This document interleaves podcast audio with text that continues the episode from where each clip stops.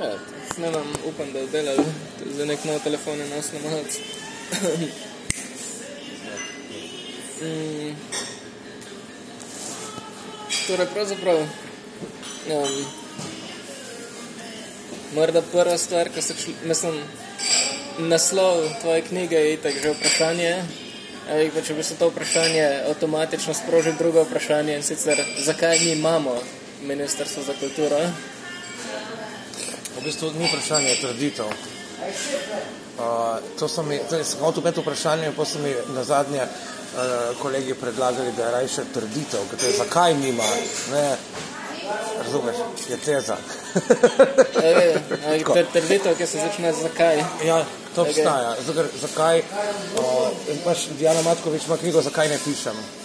Tudi brez vprašanja. Okay. Ja.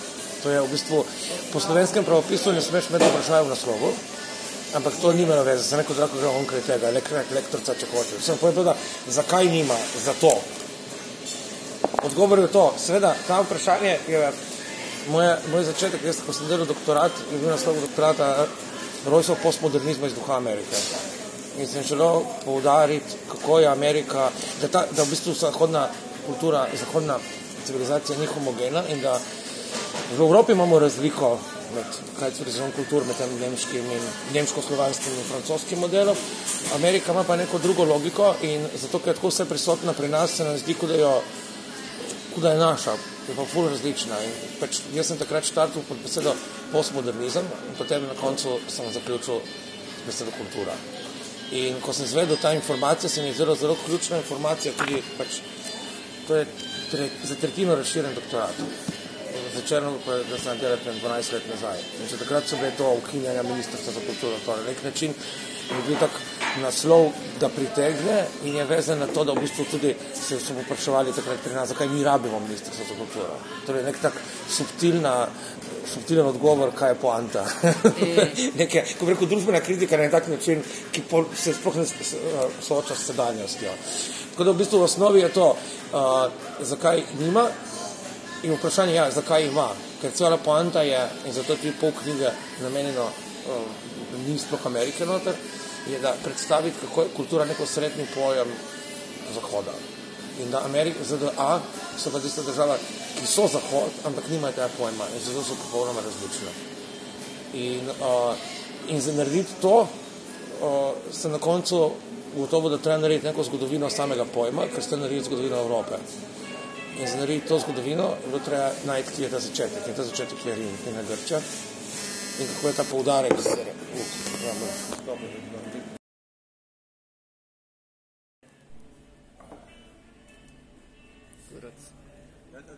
Погледайте, че ти рекорда, когда е ти рекорда?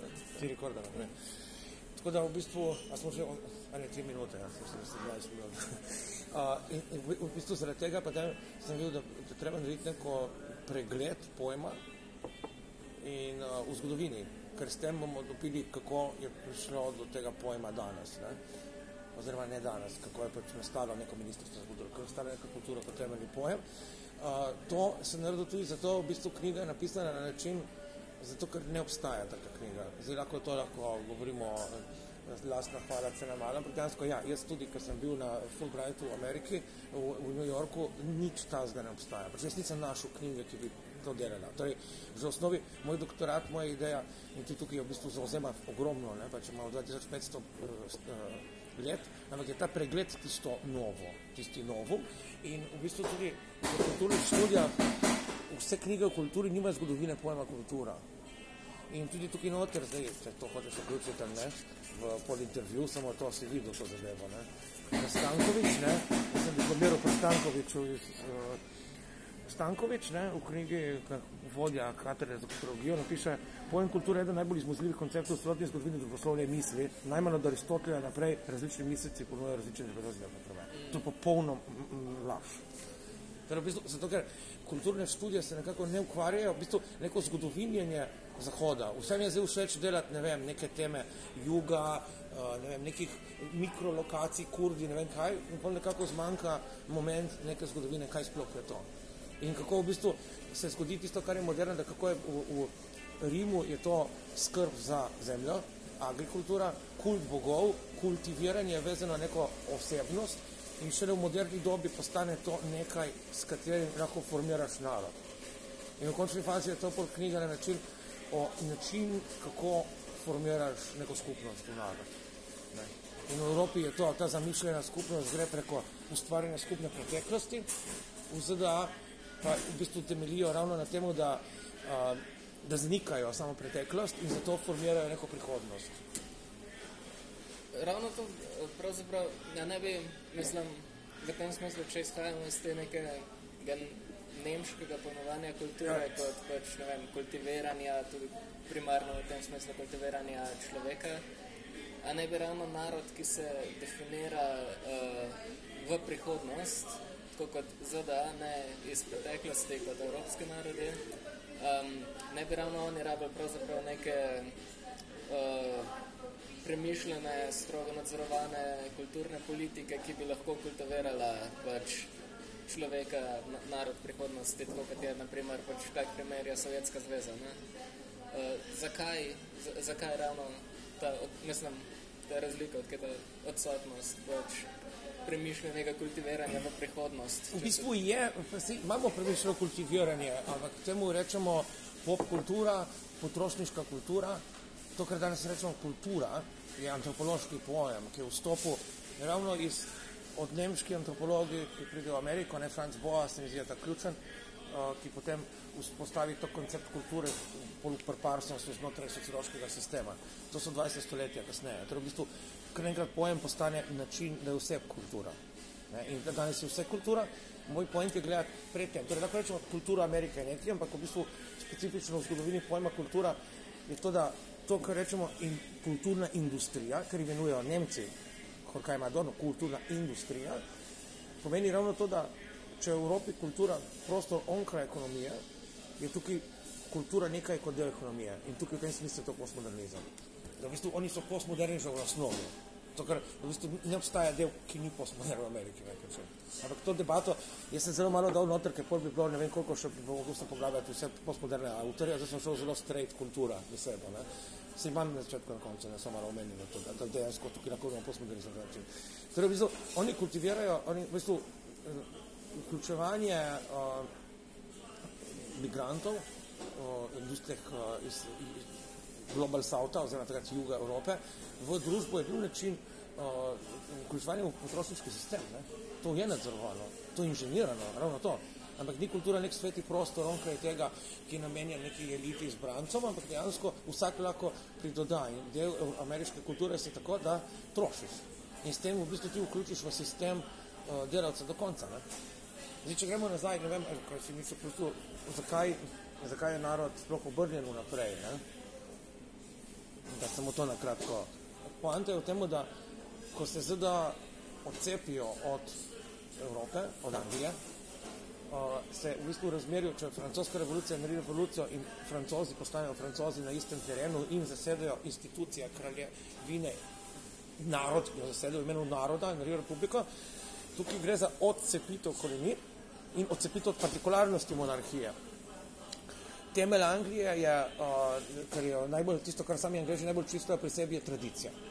Oni tudi nimajo same ustave, imajo pa tradicijo dokumentov, imajo tradicijo uh, navad, Torej, američani, če hočejo postati na te angliži američani, se do besedno odcepijo od Anglije, na način, da se odcepijo od tradicije in od navad in naredijo ti prvo stavo po Rimu, ne, nekoliko, to je, ne vem to točno, ne, kako je že, ne vem točno. Fulkrat, jaz fulkrat poznam številke na koncu. no, gledaj, eno pač tako moderno stavo in ključno zdaj je, zdaj, kaj treba zdaj resno, že v Angliji uh, slavna revolucija, oziroma, ko je postala državljanska vojna, ki je ubil kralja in potem Glorious Revolution se konča s tem, da so oni, a, v bistvu poanta je, da so antiaristokratski. In cel strah, cel boje proti aristokraciji in Ludvik XIV je predstavi, je ta uh, primer tistega, kar noče imeti v Angliji. In tukaj se v bistvu gre državljanska vojna znotraj Anglije.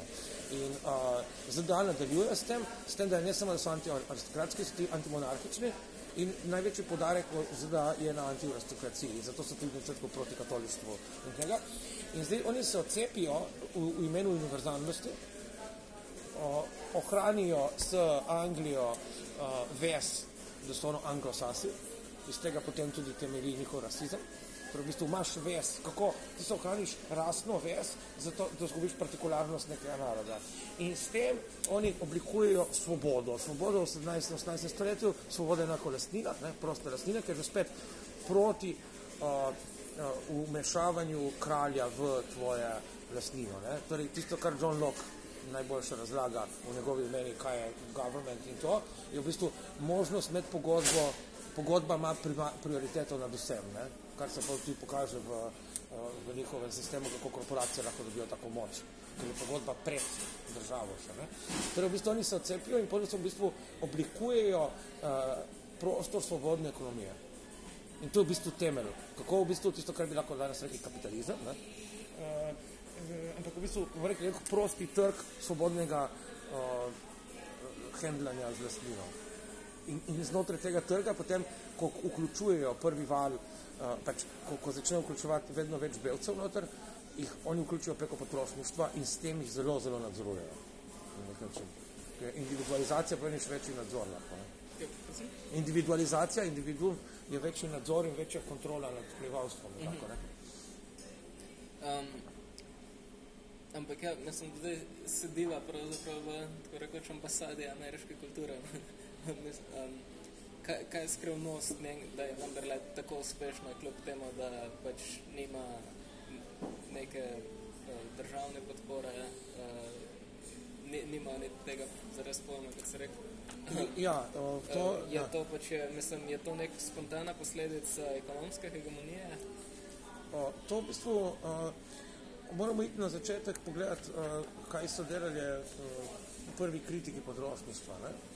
In uh, frankfurtska šola, ko grejo ti Nemci tja, koliko ima Donald, pa tudi Hanna Arendt, ki, ki spremljajo iz Amerike, ne, pač koliko ima Donald slovensko v LA-ju živite.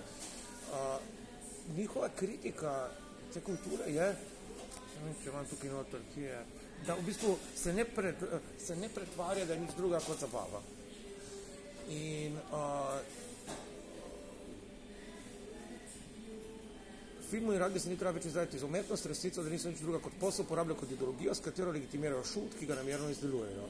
Sebe imenujejo industrija in objavljene številke dohodkov njihovih generalnih direktorjev pobijajo vsak dvom o družbeni nujnosti končnih izdelkov. Torej, to, da se oni ne pretvarjajo, da so več kot zabava.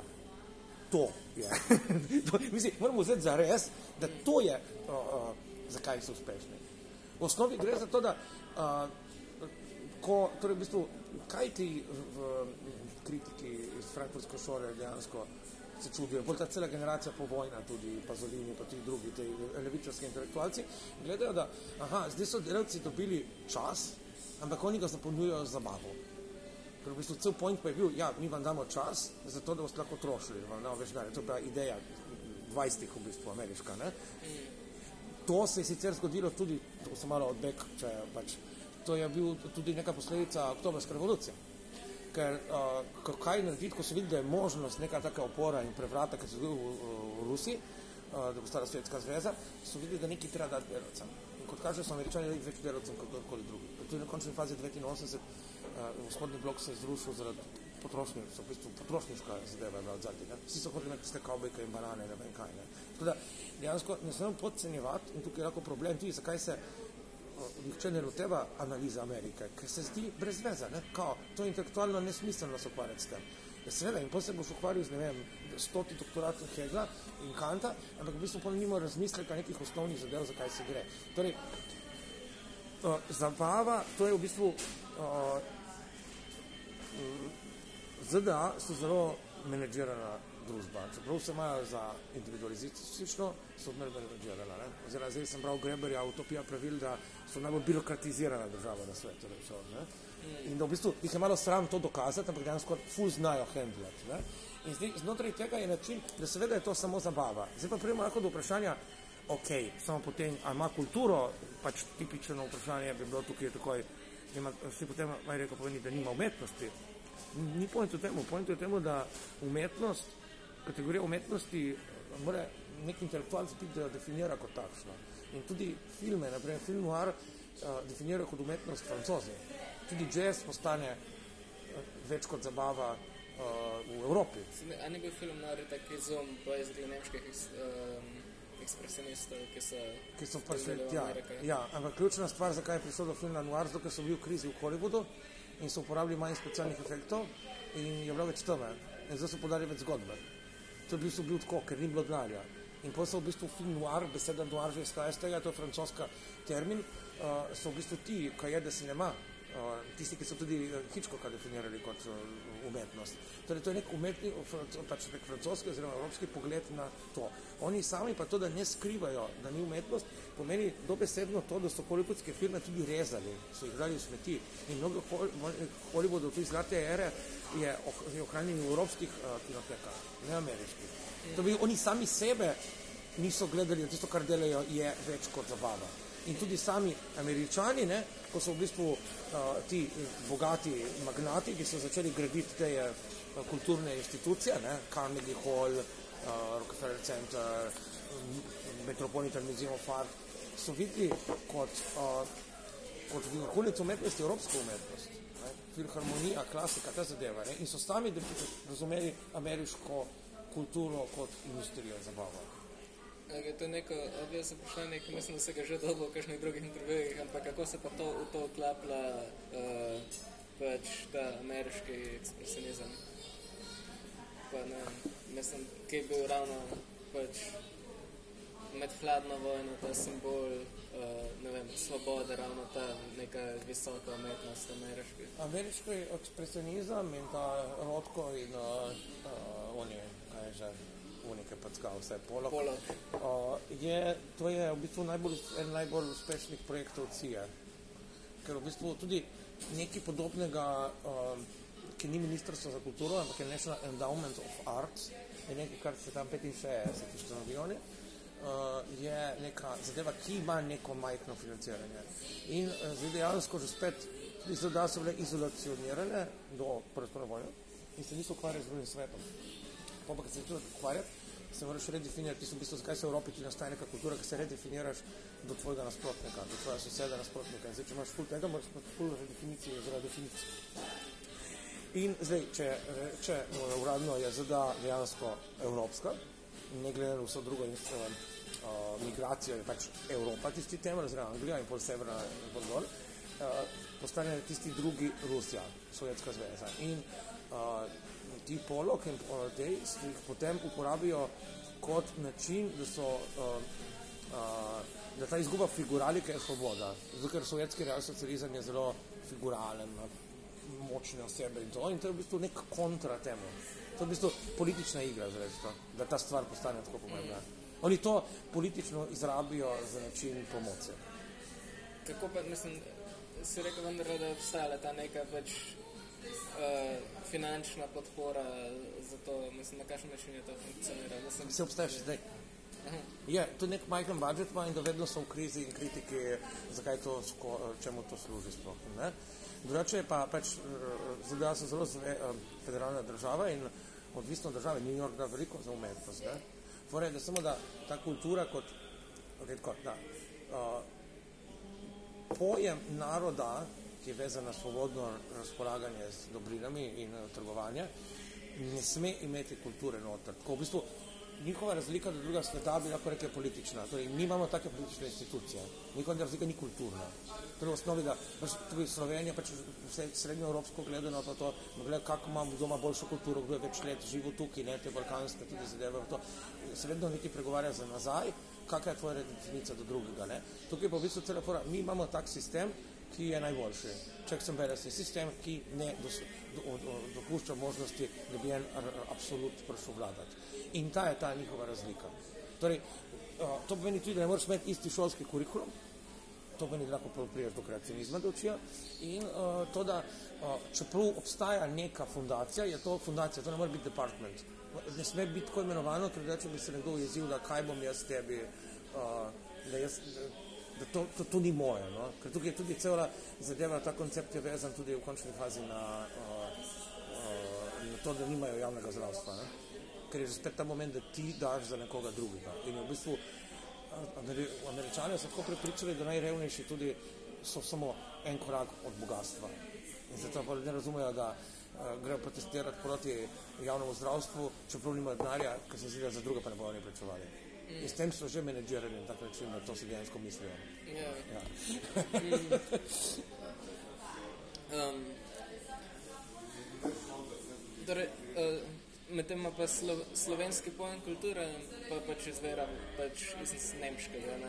Um, morda sem, kar sem malo pogrešal, mogoče je ravno to neko soočanje, kako vpliva, mislim, morda vpliva ameriškega, mislim, pojmovanja kulture v, na slovensko območje, kako se to kaže, kako to morda kot si rekel, ja. na začetku, že, pač, da so bili pozivi k ukinitvi.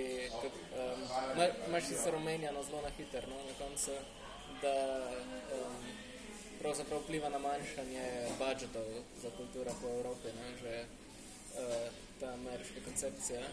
Ja, da v bistvu ja, da nek način, v bistvu, kako Evropa postaja muzej. Mm. Pustimo tudi to, da dejansko Evropa nima svoje high-tech industrije. Najbogatejši Evropejci je uh, lastnik Zare, potem ta drugi, se mi zdi, francoski ima te Dom Perignon, Louis Vuitton in take firme. Nekaj tazga, največja firma v, v Nemčiji je Lidl. Lidl. Ja. Veš tako, pač, če pogledaš v Evropo, videl, imaš ful cunje, hrana, gurme, to, ne? Mislim, to dela Evropa. In zdaj v bistvu se govori, da je kulturno, ampak na koncu ne obrada za leso kulturo. Uh, tako da v bistvu ta dejansko ne podpira tega, kar govori na nek način. Torej je v Evropi, paradoksno, je več denarja mojem na določenih delih v Ameriki za kulturo dane, na primer za izobraževanje. Ti imaš, ti imaš velike univerze, uh, ki, to sem prvo slišal, premier ene Ivy League, Dartmouth College, uh, predsednik uh, General Electric, je njihov alumni, je dal nekaj milijonov za humanistiko. Mm. Osebno, ker imaš tam moment pecenstva, ki ga pri nas ni, pri nas ukinjamo, ampak ne dobimo ta moment pecenstva. Mislim, da je ključno, če gremo v to smer, da se da, zdaj pač Moskarol nekaj prej nekaj zdaj govori danes, ne. Uh, pač ne, že tukaj, kako se to kaže, pač mi, mi nimamo urejeno to uh, mecenstvo, ne. Samo zdaj tvoje vprašanje bom, bom, bom Začnemo. Ja, ja, ja. Pač, uh, uh, Zadeva je v tem, da ja, pač, zdaj tukaj v Evropi imamo dva koncepta različne kulture. En je francoski, ki je katoliški nek način, visoka kultura, najboljša stvar, uh, drugi pa bolj etničen, ki je pa protestantski za katoliški jezik. V bistvu. Je tudi Herder, uh, je, v bistvu, je nek kontra francoski kulturni in diplomatski uh, nadvladi na kontinentu ta, ki v bistvu se začne že v 18. stoletju, kaj je Herder, tukaj že 1700 nekaj. Ne? No in potem s Napoleonom prije to še večja kritika in pol s prstovno vojno prije še večja ta razlika. To so v bistvu spostavili ta civilizacijon kultur kot dve stvari. Yeah. To je Elija Spor piše leta 39 knjigo o temu, ne? o razvoju civiliziranja, proces civiliziranja. In v bistvu tukaj gre, da je jezik temelj kulture, Uh, in iz, iz tega izhaja, da lahko vsak narod ima kulturo. Ne? In točno ta pojem se potem uh, je temelj za kulturne študije. Ne? Različne kulture, ampak tudi ta pojem je zgrajen uh, od intelektualcev in je uh, slovenski, torej nemški, je pred državam pojem. Torej, to je legitimacija za vzpostavitev države. Ko imaš pa civilizacijo, država je že postavljena in gradiš narod. Ne? Tudi italijani, naprimer, ne? je ta Azelio, ko je že politik rekel, zdaj smo naredili Italijo, zdaj treba še Italijane. Uh, to se kaže to, da porečo, da vsi jeziki so dialekti. Tukaj pri nas pa je minimalna razlika, imaš fetišizem malih razlik, imaš pa pač je vsak jezik že uh, prototip za. V bistvu z tega štartaš, ne, da potem, tako kot je bilo imenovano v Sloveniji, da je tisočletni sen Slovencev zdaj vzpostavljen, ko smo zdaj svojo državo, kar je kdo točno to sanja, ne vemo. Tako da zdaj, to je v bistvu to, da kaj pomeni, da torej, neko vlaganje v kulturo je tudi nek national building process. Torej, zdaj, da imajo drugačen national building process, ki gre preko trga, preko ekonomije in to je ta kultura. Uh, Evropski national building process pa gre preko kulture in zato so te kulturne institucije, tudi naprej se tudi v socializmu, smo kulturne domove v centru, ne na mesto crkv, tudi pač Nova Gorica je bila planirana tako, da v centru je kulturni dom na mesto crkve. Torej, ta pomen kulture kot ključni element uh, in uh, in kultura je ena točno in se potem uh, drugi uh, se morajo izobraževati v to. Potem pride do tega, da pač kulture so različne in v končni fazi lahko vemo, kaj je kultura in to je neka borba, zakaj, čeprav je tako majhno to ministrstvo najbolj na udaru, tu v Sloveniji, zato ker več se gre, aha, kaj smo mi financirali, ker dejansko lahko rečemo na nek način, da uh, država definira kulturo preko tega, kar financira. To lahko zelo enostavno rečemo in v bistvu zato je to pomembno. Uh, zdaj, to, da se manjša procent za uh, kulturo, pomeni, da se manjša pomen naroda kot takega. In to je že vpliv Amerike, uh, kar pomeni globalizacija, na pač način izvo, izvažanja ameriškega sistema po svetu, torej globalizacija tako, ne, amerikanizacija nek način. Na nek način, kako rečemo, da Evropska unija tudi neka posledica uh, ameriške nadvlade nad Evropo, ki jih formira, da jih združi skupaj po vojni, da se ne kregajo, ker se vidi, da to evropejci ne vem, če razumejo sami koncept uh, Evropske unije, tudi tako zelo ameriški način, če pogledamo. Uh, manjšanje tega pa, pa se kaže tudi vpliv Amerike je uh, v Evropi prvo, več v Sloveniji v zadnjih desetletjih, najprej seveda prijo te levičarske ideje, za reč, zdaj zadnje čase pa po stran pa se vidi dosti desničarskih idej, ne, uh, ki prihajajo k nam. Ne.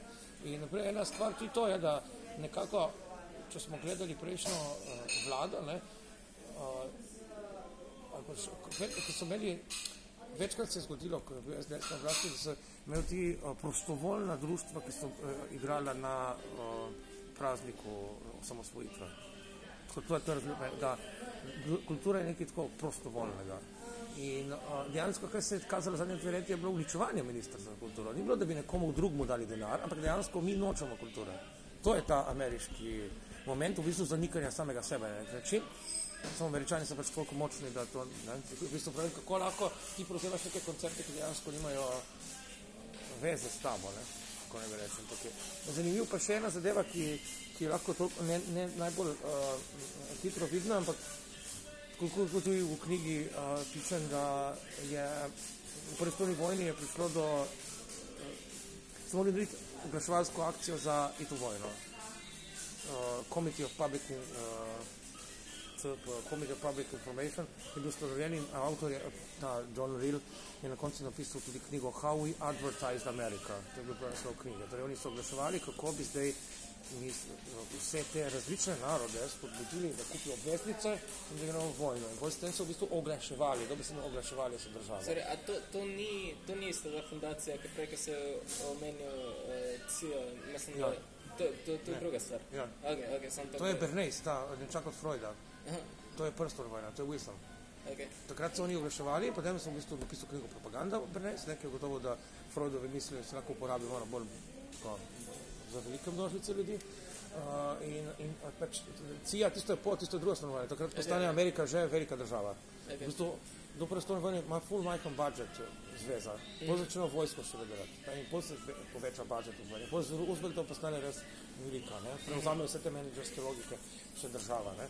In uh, torej v bistvu oni oglašujejo in po vojni ugotovijo, da bi to lahko propaganda služila tudi za ekonomske namene, torej v bistvu celotna ideja oglaševanja se rodi v 20 letih.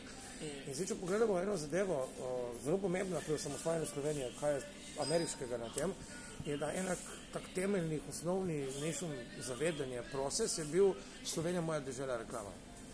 In dejansko se je oglaševalo, obstaja tudi dokumentarc, uh, ne vem, kdo je že naredil, ki je to oglaševanje Slovenije. Torej, v bistvu nek način so se lotili na ameriški način že samega Slovenije, slovenstva. Ne?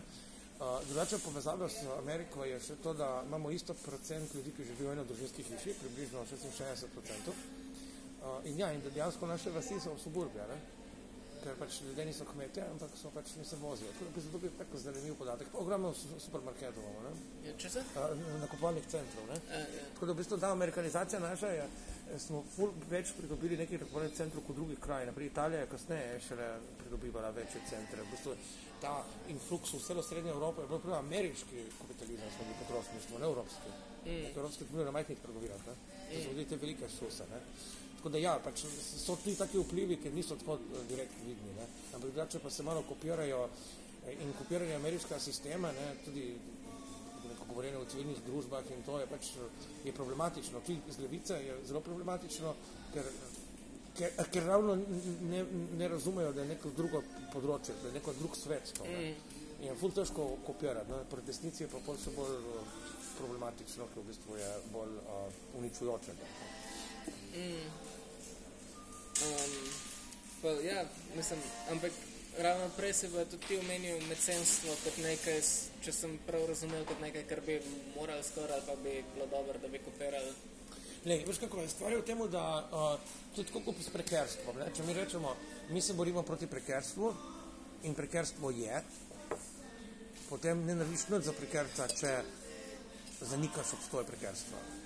In isto je tukaj. Mi pač se zavedamo, da moramo se zavedati, da pač Ministrstvo za kulturo ne bo imelo več budžeta, ker pač ne bo. In zato moramo dobiti dodatne vire financiranja. Ena varianta je bila dvig eh, davka, ne dvig eh, procenta dohodnine. In druga stvar je mecenstvo, da bi dejansko zakonsko naredili, ja, da se pač bogataši izognejo davkom, eh, da kupijo pač eh, to. Uh, ja. Kaj, smo, koliko smo še čas? Čas je, kako Ja. hočeš. Še eno rundo? Uh, ja, Ja. ja. mi date kar uh, točno, imate? Ne, še. Ne, mi date navadno olje. Navadno Ja. unijo, pa za vas pa ne filtrirano. Prosim. Ja. Pa tudi še en kozarc vode, Ja. ja. se spet. Pa eno limonco še, imate limonco še? Dobro, še eno, ja. Se sam bojim, da po dveh perih ne več mogo dobrih vprašanj zastavljati, No, jaz bom pa lahko hitreje, jaz bom pa hitreje lahko govoril. Ne, ne prehitro govoriti, ker se moram da pretitkavati. Ne, jaz bom lahko boljše odgovarjal, tako da se tega je problem.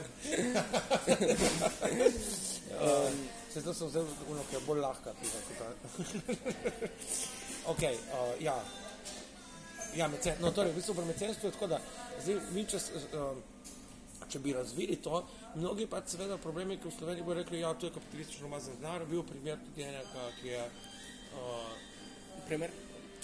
Sorry, En primer je bil v Sloveniji, ki je v, v, en primer je bil v Sloveniji, ki je en, uh, ki dela Biblijo za uh, ruski trg, uh, dal nek denar za eno nagrado literarno. In potem se je tako zbagala in Svetlana Makarovič in nekdo zraven uprli, da oni ne bodo spremali kapitalističnega denarja. a se ni Svetlana Makarovič zavrnila prišerno nagrado, zato ker je dobil en katoliški mozaikist, ki je bil pač čisti A, oni, ki je kič. povsod. Ja. Ja, ok. Je vrnila tudi... Da je bil to uh, razlog, ne? takrat. Ja, ampak ona je, no, mogoče. Pa je vrnila tudi častni naziv mesta Ljubljana, ker so izselili rok, ne, the way.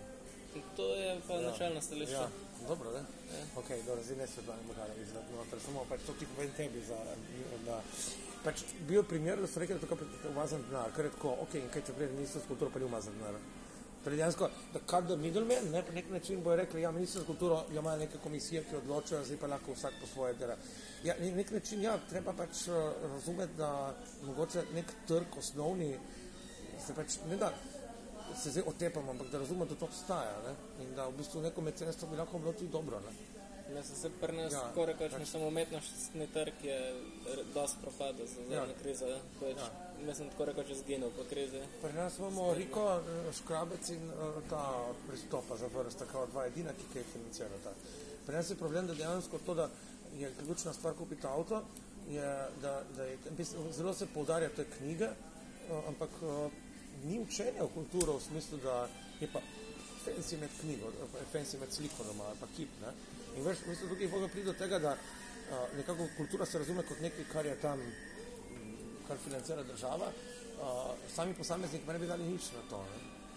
In uh, je, je velikanski problem, uh, zdaj, mi moramo priti do tega, da je, da je to uh, uh, družbeno, uh, kako, reč, kako bi rekli, družbeno uh, pozitivno ocenjeno, če ti si zbiratelj umetniške. Ne? Ja, samo ne bi, pač, ja. mislim, za, zakaj bi pač prestali, ni to neka ful defin, defetistična logika, da bi pač prestali, da se pač manjša budžet in tako, če pač vendarle očitno pač je nekaj splošno sprejetega, da je pač kultura stvar države, basically, da je katero ne vlaga posameznik, zakaj bi pač pristali, da je mecenstvo pač neka rešitev, zakaj ne bi bil pač nek politični boj okoli tega, da se pač veča budžet za kulturo. Ja, se strinjam, samo zakaj pa ne bi dali še mecenstva zraven?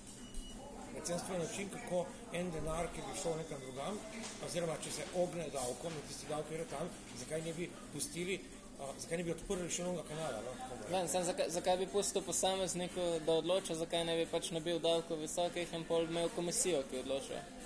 kam gre ta kaš. Ja, mislim, se že spet, in pol kakšna je tudi kakšna je ta komisija, kako odloča. Ne? Poglejmo komisijo zdaj, kako odločajo. Vse gre v Ljubljano, še uh, glasbeni festivali na Goriškem, ni dobil noben štiriletnega razpisa in čez tri leta je EPK Nova Gorica. No, to, Ja, to je seveda stvar političnih bojev, no? Ja, saj. ampak politika je vendarle pač nekaj bolj, mislim, je demokratična, ne pa Seveda. pač meceni, ki so pač. Se, se to je ta Neka- razlika med konceptom ZDA in uh, evropskim Vse, vse, zakaj bi ja. pol uvažali ta koncept nacenstva, ne, ne se borili za ostanek nekih.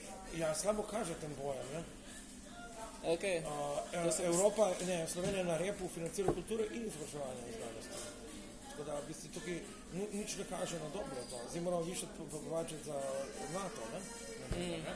Tako da v bistvu uh, ne da opustimo te boje. Jaz samo rečem, da se mi zdi ni- nič narobe, če že uvažamo vse možno, zakaj pa ne uvozimo tega koncepta. Če smo uvažali shopping centre in suburbe koncepte in to, Ne pa vem. ne uvozimo nekaj, kar dejansko pomeni, da, da v bistvu nekako, da bi kako, ne vem, zmanjšali davek, ne vem kaj, da bi pač vlo- vlagali v neke stvari, se meni ne zdi nič narobe. Ne pravim, da bi opustili druge boje, ampak se mi zdi, da lahko dodamo še to zraven. Okay. To, samo to.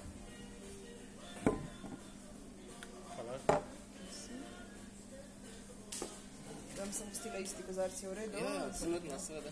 Hvala. Isto pivo pa nisem imela. Hvala. Hvala, ni problem. Hvala. Um, Tako da, uh,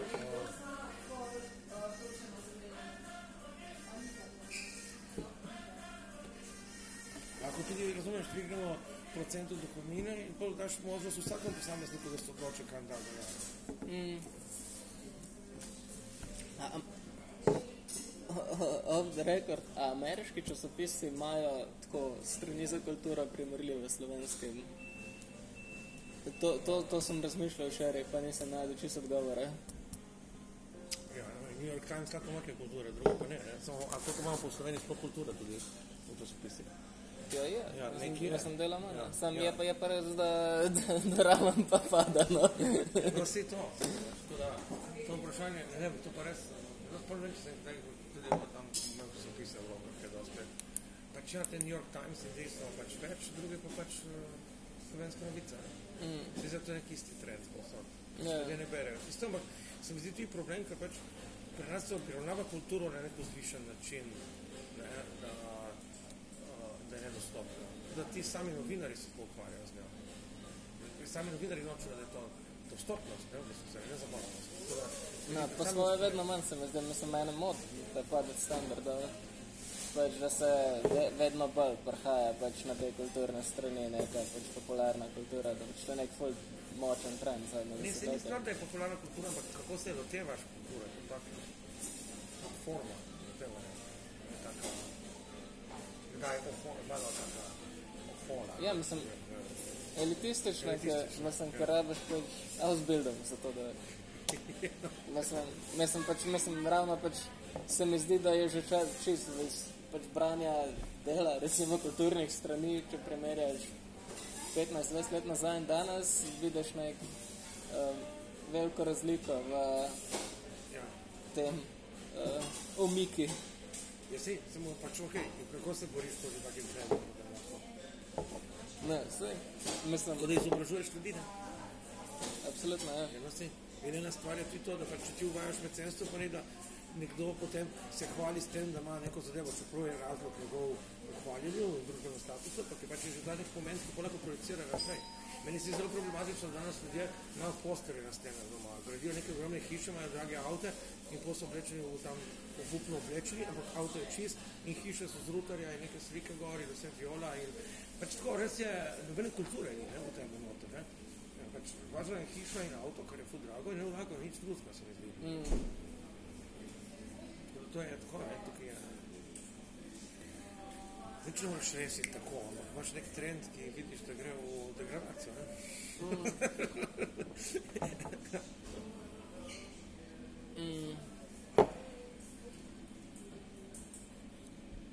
Um, kaj bi povedal, mar, mar, mislim, meni bo to zanimivo, pač, ko se, to, to, to se mi zdi tudi skoraj super naslov. Ameriški ekshibicionizem je projekcija, kaj se že... Kaj, ameriški? Uh, ek, ne, ekspresionizem. Lapsus. Vse je. Absolutno. um, uh, bi povedal kaj več o tem, mislim, kako to danes funkcionira, ko si rekel, da še vedno obstaja pač ta nek fundacija, ali kaj, uh, ki je to podpirala. Ja, ne, to v bistvu sem enkrat gledal, ne vem točno. Vem, da samo se neki Ja. borijo, to raje še ne bi točno, ker zadnji sem šel brati na Wikipediji na njihovo uradni strani, to se nisem dobro razumel. Nek- denar imajo, ne vem, 100 milijonov. Okej, okej. 50, Neki ni. Ker nek simptom, ne vem, basically tega, ne vem, je pač, ne vem, morda Top Gun na Kano letos. ali Kaj je pa, kaj video spot propagande za ameriško vojsko na evropskem art Ja, filmskem. ma to je, to je stvar Francije in ameriških povezav, ne? To je, ne vem, to sploh nisem. Je zanimivo, da francozi delati. Ja, in ob, ob predvajanju je bil prelet vojaških letal eh, filmskega festivala v Kanu, ne? In, in Kate Bush je na lestvici top ten, ne? Ker Stranger Things manj komata s Ja. ja. Ja. Zelo originalen o etis komat Ja. na lestvici, Top Gun je v kinu in hladna vojna se dogaja. Mm. So etis.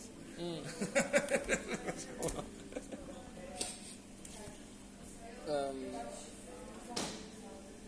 ja, morda, um, kaj pa mislim, Jugoslavija v tem smislu je bila na nekem način morda neka specifika, da je pač črpala vse neke kulturne koncepte iz pač Sovjetske zveze, recimo, ki so bili pravzaprav diametralno nasprotni, ne, ker imaš pač kultura stvar države, ne posameznika v principu. Um, jaz se mislim, da morda kaj o tem še No, pač to samo ena pa stvar, ker ja, še seveda, tega no, uh, lahko rečemo, da to mogoče je del za naslednjo knjigo, ukvarjanje z 20. stoletjem do danes, ampak samo en detajl tukaj je, te veliki spomeniki, betonski, brutalistični, kamniti, ki so po Jugoslaviji mm. razpršeni, so nek tak v tem smislu kulture usmerjene v prihodnost, tako ameriškega, tudi pač ameriškosti, oziroma sovjetskosti. V smislu, da zakaj so te spomeniki, ki jih danes tujci, američani največ gledajo, od lokalcev so mogoče da izraz sovraženi, zato ker so, ne vem, proti Ustašom, proti oni, pač niso bili komu da so mnoge uničili tudi, ampak so tako uh, abstraktni, zato ker uh, želijo graditi skupno prihodnost teh narodov. Zato ker ti narodi med sabo smo državljansko vojno, pa Srbi pa Hrvati so se med sabo pobivali in da bi izbrisali vse te uh, krvavo preteklost, uh, uh, so začeli graditi neko abstraktnost prihodnosti. In v bistvu Jugoslavija je bila postavljena kot taka na nek način. But I'm not an expert on this. Je samo. Zdaj pa ne vem, kje, koliko je to povezano z Sovjetska zveza ne, ne, z Ameriko. Samo tukaj treba vedno, uh, se zdi, da so ponavadi pozabili, da od leta 48 je železna zavesa na, na vzhodu Ju- Jugoslavije, ne na zahodu. In da je Jugoslavija dobila Marshall Plan. Tudi. Ja, Ja, to je tudi nek ne, razlogov, zakaj, zakaj eh, govorijo vsi angliško v tej državi. ne. Tako da ja, uvoz uh, ameriške kulture je prišel tudi preko uh, supermarketa, ne? samo postrežna prodajalna. Prva je bila po Zagrebu, prva v Sloveniji je bila v Ljutomeru, v Ljubljani je bila prva v Kozovcu in potem tam od zadaj za metalko. Ta koncept, da ti si odprt do produktov in sam nabiraš, je ameriški. To je popolnoma iz Midwesta, nekje so ustanovili prvo, prvo samo postrežno trgovino. Prvo so ljudje so se čudili, da se bodo vse pokradli druge, ampak to, da mi smo dobili supermarket pred Avstrijo in Italijo, je znak neke ameriškega vpliva kulturnega v Jugoslavijo. To v bistvu Nova Gorica je imela pred Gorico supermarket, so pa italijani gledali to čudo, da ti primeš. Ja. Zato ker so imeli tradicijo starih trgovin, ne, nismo v Avstriji. In so pa zbrisali te majhne obrtniške trgovine in so, so bili bolj dovzetni za take potrošniške zadeve, masovne, ne, ki jih je v bistvu ZDA kazala. Ne. Ne, valjda. Ok, vse. Eto, glej, 45 minut, Ja, ne. ampak lahko še kaj dodamo. Um, ja, ne vem, mislim, meni je bilo v bistvu zanimivo, da si šel res ono, mislim, do Grčije in Rima uh, za, za to, da bi pojasnil razliko med dojemanjem kulture v Evropi in Ameriki, pravzaprav nekaj desetletij nazaj, če se danes že briše, no, sicer. Ampak, um, mislim, je bilo to res potrebno. Je to vprašanje, je potrebno karkoli napisati, ne? Okay. Ne, ne, ne, mislim, pač ne, ne bi mogel, mislim, Je lahko videl dve knjigi, ja, ena je prvi del in druga je drugi del, ja. Samo, o, ne znam, kaj tukaj imaš prvih 300 strani, kot celo neko zgodovino zahodnega sveta, ja. da pol zelo, zelo na hiter, na koncu pojasniš neko razliko, um, med, ki se kaže danes. Ja, Zaradi tega, ja. ja, zato to je pregled. Zgodovinski pregled. V osnovi je tukaj zadeva ta, aha, celotno kulturo, v bistvu ja, lahko rečemo, ja, da so bili odlivi v srednjem veku, ampak uh, se to je bil prvi plan. Pa pa kaj je pomembno, kad ti pol na koncu dejansko, če zdaj to ovdje da pač, jaz sem po doktoratu vključil dve knjigi, ki sem prebral, je Peter Brown, Spod, Spon zahodnega krščanstva in Ellen Makeson's Wood, njena social history, ki je tako izjemna zadeva, in sem tako samo wow. In zdaj, kaj je meni tako nekako presunjeno, to v bistvu tako, kako je ta krščanstvo, kako je Rim, kako je krščanstvo nadaljanje Rima z drugimi sredstvi. V bistvu prevzame vso logiko zahodno krščanstvo, zato ker je že itak um, decentralizirano in ker se predstavi center krščanstva na vzhod, postanejo v bistvu, ko propade Rim, se tisti centri moči, ki so v bistvu neko franšizno delovanje tega uh, imperija, nekaj vsaka lokalna plemena imajo neko ono, uh, padejo in po v bistvu krščanstvo nekako prevzame ta skupen prostor. In to pomeni, da razumemo, da Rim in krščanstvo je Evropa. Ne? Zdaj, mnogokrat tudi kot Kireviče bi rekli, da so hoteli pisati, da je krščanstvo neka tradicija Evrope in to se krega, da to je ali ni. Ampak ja, je pač. In da dejansko iz tega, da vidimo, da tako Rim kot krščanstvo so stvari, ki so tu v ameriški civilizaciji pomembne. Tudi na vse zadnje, vse njihove stavbe, ključne so rimske zgrajene. In iz tega ven, da se tu vidi neko zgodbo, ki je, kako je uh, krščanstvo držanje Rima z drugimi sredstvi in kako se v bistvu tudi non-stop vsi vračajo nazaj, nazaj v Rim. Ne. Grčija v bistvu postane neka pomembna zadeva v Nemčiji, ki je že spet prvo Winkelmann in prvo Goethe in tedi ne dajo kot nek kontra Franciji in s tem, da začnejo pa oni uh, pušati Grke in jih kulturizirati. Oni v bistvu kul kulturalizirajo, ker ti imajo tudi politično razliko do drugih ljudi. Ne? Mi imamo polis, vi nimate, vi ste barbari, ne? tako kot američani na nek način, ne? ali pa rimljani. Uh, tako da v bistvu to je bilo pomembno na način, da vidimo, kako v bistvu tukaj se gre za kulturo in civilizacijo, razmerje med tema dvema pojmoma tudi. Je zato, kako, kako je bilo to lokalizirano, kako se s krščanstvom v bistvu pride do nekega kultiviranja in kako potem v modernem veku prevzamejo logiko kultiviranja od krščanstva in pro, proizvedejo teritorijalno omejenost in narod. Iz tega vidika je to, lahko ja, knjiga bi lahko vmes imela še večkrat, no, zdaj smo povedali to, zato, da je to in to, uh, ampak tega ni. No. Zakaj? Zakaj sem se napisal? Ja, pač, ja, obstaja notranja logika, ki gre na to, da uh, je zdaj, torej, uh, kako je razmerje med kaj je pomembno, tudi to, da religijo v osnovi v Rimu uh, je religijo vezana na neko mesto, na nek prostor in s krščanstvom in konceptom knjige se to lahko premika, tako kot rimski zakoni. In to se mi zelo fascinantno, yeah. Ja. ko sem prebral. In iz tega ven potem v bistvu ta knjiga kot temelj, ki pri Karlu Veliku postane, izumi, reizumi latinščino kot temelj, in, in znotraj samostanov, ki se ta kultura dogaja. Vse to so neki predhodniki, ki sploh lahko pridemo do moderne države. In še ena stvar, ki me pa Aaron Maxis Wood razsvetlila, ki dejansko njen glavni poudarek je kot marksistka je o lastnini, da v bistvu rimski pravo je in da prav Cicero nekaj napiše, da je vse to zgrajeno zaradi privatne lastnine in da je rimski imperij prvi imperij, ki podarja privatno naslino. Mm. In iz tega vidika že spet ena stvar, ki niti v naslovu ni, ampak nekako vse noter pelje skozi, da ta privatna naslina je tudi neka temeljna kategorija, ki po proloku pride ven in po Ameriki je zelo prisotna. In da v bistvu, če poglemo, da je to poljedelstvo, kultiviranje kultura, anime in to je vezano na tvojo privatno rastlino, da se ukvarja z njo. Mm. In tako v bistvu potem, ko prija neka javna stvar, je v bistvu ti začne skrbeti za večji del kot narod, kot družbo, v totalitarizmu za vse, ne? da vse handlaš. Ne?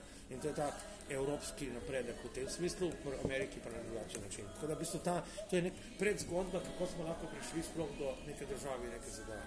Zato mm. se mi zdelo temeljno pomembno je začetek nečesa. Mm. Čeprav po drugi strani ravno tem, sem ravno nekem um, mislim, če, če sem prav razumel, je ravno pač kao temelj te neke d- demo, večje demokracije in podarkati pač na obrambe privatne lastnine in tako naprej, mislim tega polja privatnega pred državo, ravno na nekem razmaku od Rima, ravno na tem, da je pač Anglija pač bolj temelji na nekih germanskih uh, običajih, ne, če se prav spomnim svojih knjig. Ja, ne, ne, ne, v bistvu to, uh, kar je potem, uh, da je predfeudal, v bistvu, da tudi feudalizem, ko pride v Anglijo, no, normalni, da še vedno se ohranja, da, da je da v bistvu ti, tisto, kar je parlament, so bolj egalitarni kot Ja. v drugih državah. In da in je ta antiaristokratski, ne, antimonarh, absolutističen moment v Angliji ful močno prisoten. Ne?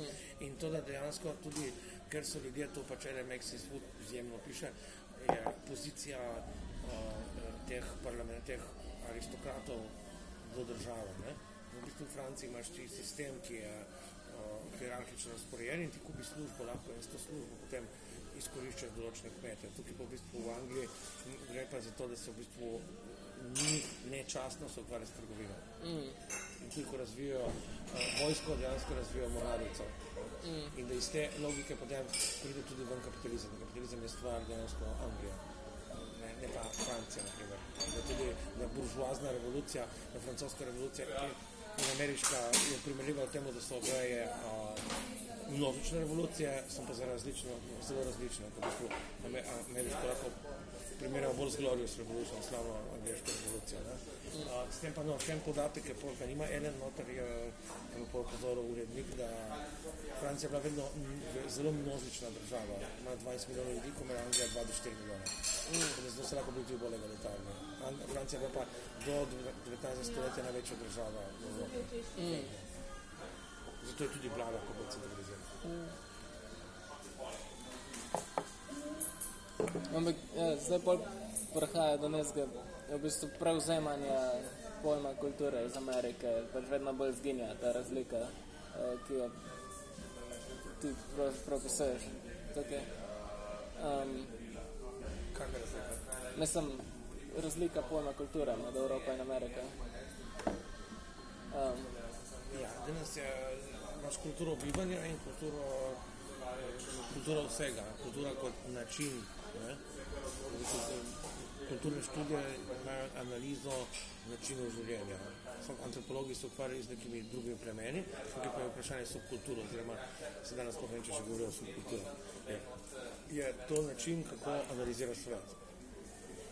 Tako da, ampak hkrati še vedno nekako če gremo v Slovenijo, se pač razume, da je kultura nekaj vzvišenega, da je to plaširen, da je to jezik. In zato se potem ukvarjamo, kaj ni kulturno. Veliko je govora o tem, kaj ni kulturno. In da nekdo ne bi smel dobiti neke nagrade. Ne? Mi ne definiramo, kaj točno je kultura, bolj definiramo, kaj ni kultura. In z- iz tega vidika tudi, če imamo nek konzervativni moment, tisti, ki ne bi financirali umetnosti, danes bi dali ves denar za kulturo za obnovo. Imamo, mi samo ohranjamo ne, stare stavbe, crkve, muzeje. mislim, da večino sredstva dobi crkva, ne?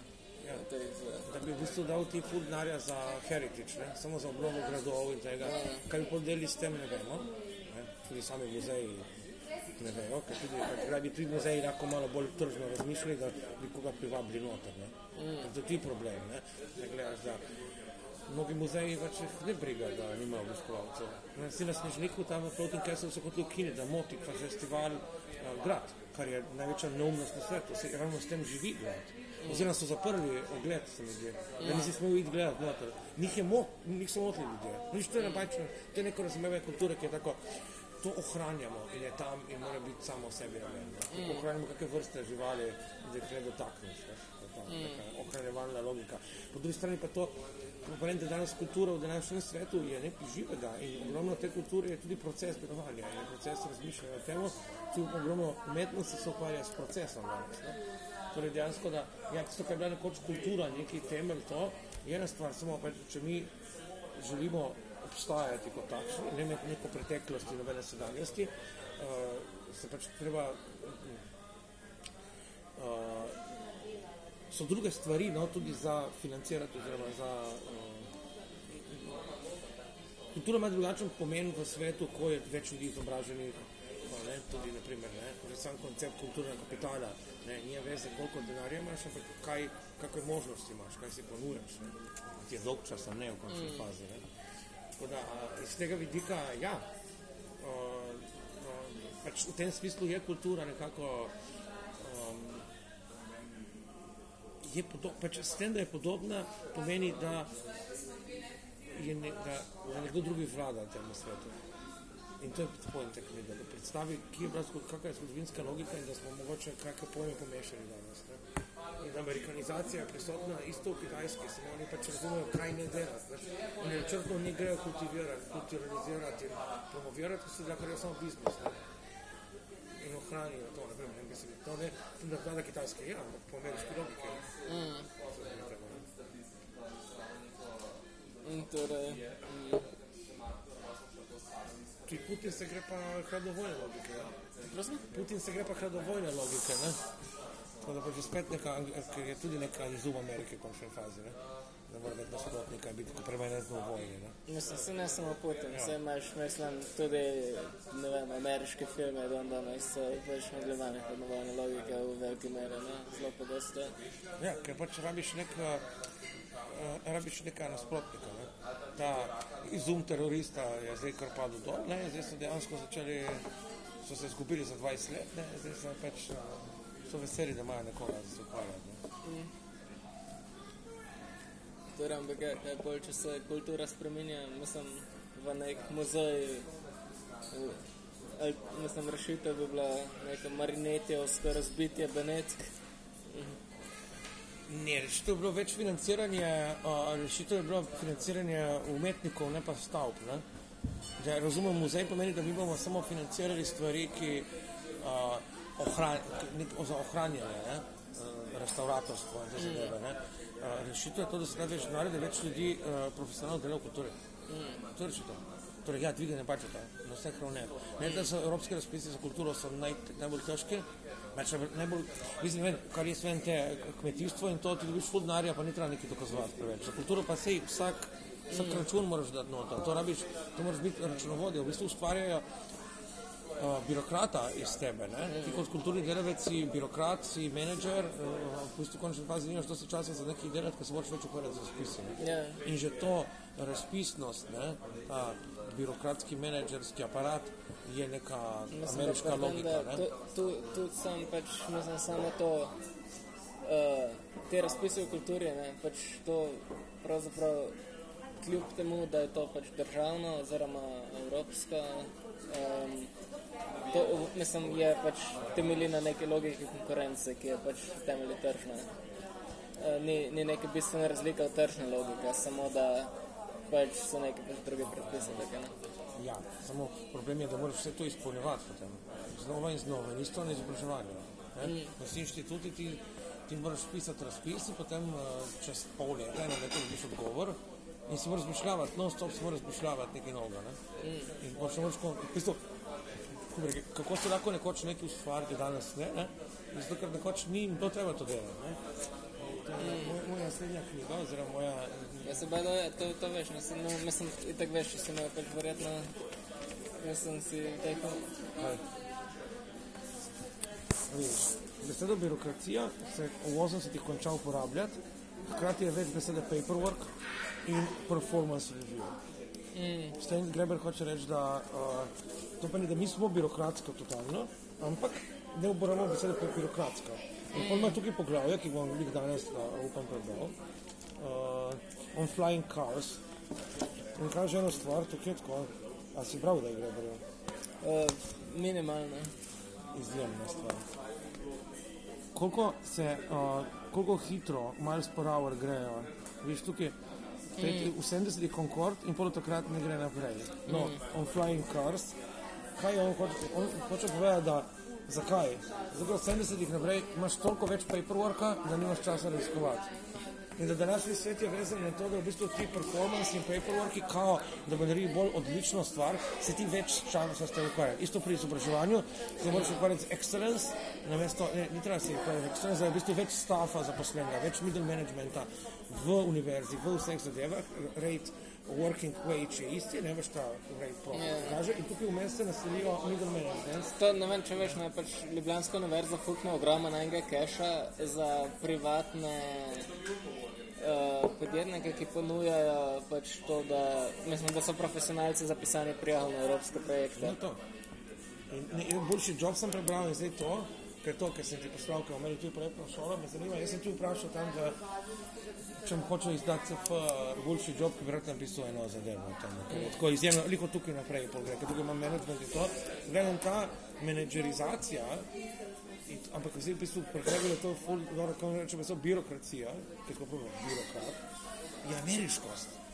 To je američani, v bistvu, kako oni z uvajanjem Združenih narodov, IMF-a, te zadeve, to je amerikanizacija, tako mi imamo tako malo zmenedžirani svet, ne? ki ga ni treba zasesti, vse imamo tudi baze okoli, ne? Ne. ampak to, vse, to je vse ZDA. V osnovi sodobna ZDA ne, je nastanek korporacij kot ključne po državski vojni, kar pomeni i uh, specializacija, ne, standardizacija in zamenjava kosov. Ne? To je ameriški izum. In ta, kol, ta pištola na Bobenček je ta revolucionarna zadeva, naprimer, uh, uh, logika hitrega streljanja. Ne? In, in to je v bistvu ta, kaj Amerika da svetu. Ne? In to, da ta korporacija ima uh, omejeno odgovornost in da lastniki nimajo uh, nobene odgovornosti do korporacije. Ne? Ja, sem- kaj- Kakšna točno je razlika med vem, korporacijo vem, temi angliškimi India Company in podobno? Uh, India Company je korporacija. Uh, si to je ta cel del korporacije, notor izjemen, da British East India Company je, je oni dajo tako, no, tukaj je zdaj uh, Anglija in Nizozemska se lotejo preko korporacije kolonizacije. Uh, Francija, Španija, Portugalska, karkoli so bili od kralja. Ja, je državni projekt, kraljevi projekt. Oni pa grejo to, da diversificirajo, izumijo koncept uh, delniške družbe, pa nizozemci in zavarovalništva. Ja. Da ne dajo denar za eno potovanje, vse. In zdaj oni dajo, uh, o, torej London, kaj že oni, komp, Virginia Company, ima od tega do tega usporednika možnost za Ja. kolonizacijo. No in British East India Company dobi pa kar tam, celo Indijo Ja. za kolonizacijo, že prej. Ta stvar je vodena tako, kaj že 40 ljudi vodi to. To je tako minimum, minimum možen. Ampak oni imajo svojo vojsko in tretjina angliška parlamenta ima tam delnice. Ja. In eh, eh, Boston Tea Party je Tea Party against uh, British East India Company, ker oni dobijo možnost, da bi zdaj kar uh, direktno uh, brez lokalcev tudi prodajali čaj. Ja. In potem, v bistvu, ker so oni v krizi, tam jim dajo možnost, da ne prodajo v Anglijo. In Amerika na začetku ZDA so antikorporativne, zato ker so videli ta moment in so proti, na bistvu so vse korporacije državne, oziroma zvezdne, pač na ravni države. Ja. In so narejene za public good. In po drugi strani vojni prijajo železnice z razvojem, začnejo step by step z umazanimi posli, uh, to ukinjati, to da lahko postane holding company in uh, da postane, uh, da ima DO. Ne? Hkrati Nemčija tudi razvija to, ne? to kar Max Weber tudi. Ne? Da ima tudi temo. Tako da v bistvu uh, razlika s uh, British East Indian Company, uh, Čakaj, pa druge svetovne vojne šele. ona ima patent, charter, ki da država in potem charter tudi uh, je oduzet. V enem trenutku propade Indian Company in postane to kolonija od Anglije. Uh, tukaj pa imaš v bistvu zdaj pri čarterju v, Angliji, v Ameriki, pa gre za to, da ne moreš več oduzeti čarterja, da je vedno, zavedno dan. In, in da lahko ustanoviš korporacijo, kjerkoli drugi državi. To začne to, kar je cel sistem je po uh, državljanski vojni vzpostavljen in po prije do tega izjemnega izbruha korporacij, ki v progresivni dobi jih malo omejijo, FDR pobere vse te menedžerske ideje za državo in potem se malo umiri, dvignejo davke in po 70-ih, 80-ih z Reaganom začnejo korporacije že spet bruhati ven, to rečemo neoliberalizem. To je zdaj druga varianta, ko te zadeve grejo na svetovno raven, predtem se dogaja pa to samih zadev. na to. Ker kontrola progresivne doba je v bistvu tudi temu, da uh, te korporacije kolonizirajo Zahod. Ne? In, ampak hkrati, ker imajo pa tako močno politično moč uh, ti kolonisti, ne? ker malo prebivalstva so že lahko svoja država, oni želijo omejiti moč korporacij. Torej, v bistvu imaš omejevanje moči korporacij in omejevanje priseljevanja. Zato, ker priseljenstvo nekaj delavcev je pa vezano spet na te korporacije. In tisti Angleži, ti white, ta stari, ne, jim ni všeč, da je 40% prebivalstva neki tam loloti znotraj. Ne, in v bistvu uh, način omejevanja korporacij je bolj, kaj se zgodi z omejevanjem preseljevanja. Zato, ker drugače ne bi rabili toliko ljudi. Ne, se v osnovi Jeffersonova ideja države je to, da je agrarna republika, ne da je to industrijska zadeva. To je samo Hamilton, Founding Fathers, ima to zadevo. Tako da, ja, iz tega vidika je ključen moment in popolnoma spremeni Ameriko, ko ni več lonely cowboy, ampak je kar naenkrat to samostojna oseba, je korporacija. E, Nawet se moram skočiti na eno. Zadeva pač nation building process, da ne potrebuje kulture, oziroma je drugače formirana. In Tudi vsa kaj kulturna industrija je v bistvu način, ki lahko rečemo danes kultura, ampak je različen od zahodnega, ne, evropskega. Ne. V Evropi imaš vedno neko, obstaja neka elita, ki ima kulturo, izobražena in potem drugi so od spodaj. Mm. Če imaš pa daš vsem. pa. Nekako, ne. To bi pa to, po mojem. Imaš še ti kako vprašanje? Ja, ne vem, morda glih to pač, ne vem, po svoje ta neka specifičnost zada, torej kot neka pač ne razlike med, kot si ti rekel, da postmodernizem v bistvu je že v osnovi pač uh, stvar Amerike, pač kot ti zdaj govoriš kot to ločevanje med, mislim, da ni ločevanja med visoko in nizko kulturo.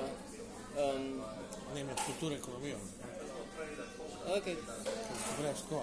Ko v bistvu si imaš koncept visoke kulture, tudi v Ameriki 19. stoletje, samo je koncept, ki ga vzpostavijo ne država kot taka, ampak pač ti bogati eh, magnati, ki sami poskrbijo za to, ker rečejo, da to ne sme biti v javnih, eh, to ne moramo prepustiti državi, da se s tem ukvarja. Ne? In metropolno muzeum Fartje ga zgradijo posamezniki dajo denar za njega. Ne? In notri je predstavljena tudi evropska kultura. Ne? Pač je, sami razumejo tudi, da je vrhunec kulture evropski. Ne? To je ena zadeva. Uh, druga zadeva je pa to, da, uh, ja, da v bistvu postmodernizem pojem, ki ga, za- kdo ga začne uporabljati. Ne? Francoski, predvsem francoski intelektualci v 60-ih. Torej, ko ameriška kultura pride v Evropo. Zdaj jaz mislim, da je to že kritika ameriške kulture. Iz tega oni prečo, aha, to je pa zdaj postmodernizem. Ne? Iz tega vidika, torej, ko dobimo Ameriko, rečemo, aha, to je postmodernizem. Ja, to je v bistvu Ameriko smo dobili. No, da to, to malo lahko pozabljamo. Mislim, po svojem me spet zanima ta vezava. Mislim, navezava na Sovjetsko zvezo, ker imaš ja. pač, nimaš razlike med visoko in nizko kulturo, imaš pač, mislim, ono stvar v 20-ih, pač ravno pač to neko zmes, pravzaprav, eh, če bereš Grausa, pač modernizma in pač, mislim, on definira pač socrealizem kot pač pravzaprav nadaljevanje modernističnega projekta. Ne? Eh, Ja, ker in- ja. ki, ki je sicer državno nadzorovan, absolutno, striktno, ampak hkrati pač je, pač je ni, ni, ni razlike med visoko in nizko kulturo, imaš pač ljudsko kulturo, ki je uh, edina, je, mislim, je funkcionalna, ni elitistična, sem, mi, mislim, ima izrazito neko funkcijo, ki ni le politistična. Ne? Ja, Um, zdaj, tukaj, In hkrati pač proizvede v Sovjetski zvezi nekaj, kar je izjemno podobno uh, ameriškemu postmodernizmu. Pa hkrati, mislim, ni, nima veze z ameriškim postmodernizmom, ampak je izjemno podobno. Ne? Pa če bereš, to je vse se brano, verjetno celostno ostalim. Pa to pomeni. ne, nisem bral tega še. To še priporočam, top knjiga. Ja, pač, ja. ki je- pač, ki v 70-ih pol proizvede, Ja, ja, ja. pravzaprav sočasno, kot se pač pojavi pojem postmodernizma, ali pa še malo prej, se imel v Sovjetski zvezi ti nek pač pojav konceptualizma, pač ta moskovski konceptualizem, ki je grosen projekt, ki je pač pravzaprav zelo, zelo ident, mislim, izjemno podoben. No? Zdaj, zdaj tukaj tega, uh, vem, da ta del z Rusijo bi lahko še kaj dal, sem pa je bila še daljša mislim, da saj tisto ni- še, ni- veze ampak ne, ne, vidiš, kaj je podobno, da Sovjetska zveza tudi planirana država za prihodnost. Ne? Ja, se, mislim, Ja. ja, ja. In, in sta v tem je, oni, oni naredijo projekt tudi za naprej. Ne? ja. Temeljijo nekaj od zadnje, samo morajo malo zbrisati neke razlike. Tako da v bistvu iz tega vidika, ja, samo da, ker je Sovjetska zveza bolj kulturna, mora razviti kulturo kot tako. Ne? Ker, ni, ker ne temelji na prostem trgu. Mm. Temelji na tem, mi naredi najboljši, pri, najboljši narod prihodnosti, ne? torej rabi kulturo. Ja. Kak, pač, kak, kakršna koli zmes je, je to seveda modernistični projekt, ki gradiš novo državo. In se ne da smeš. je razpačeno iz tega romantičnega nemškega koncepta kulture, pa ta zboj. Ja, no, sej, ja, ker slovanski ja, je, v bistvu, Je je, še bolj slovanski kot nemški, zato ker je v bistvu v tem teritoriju.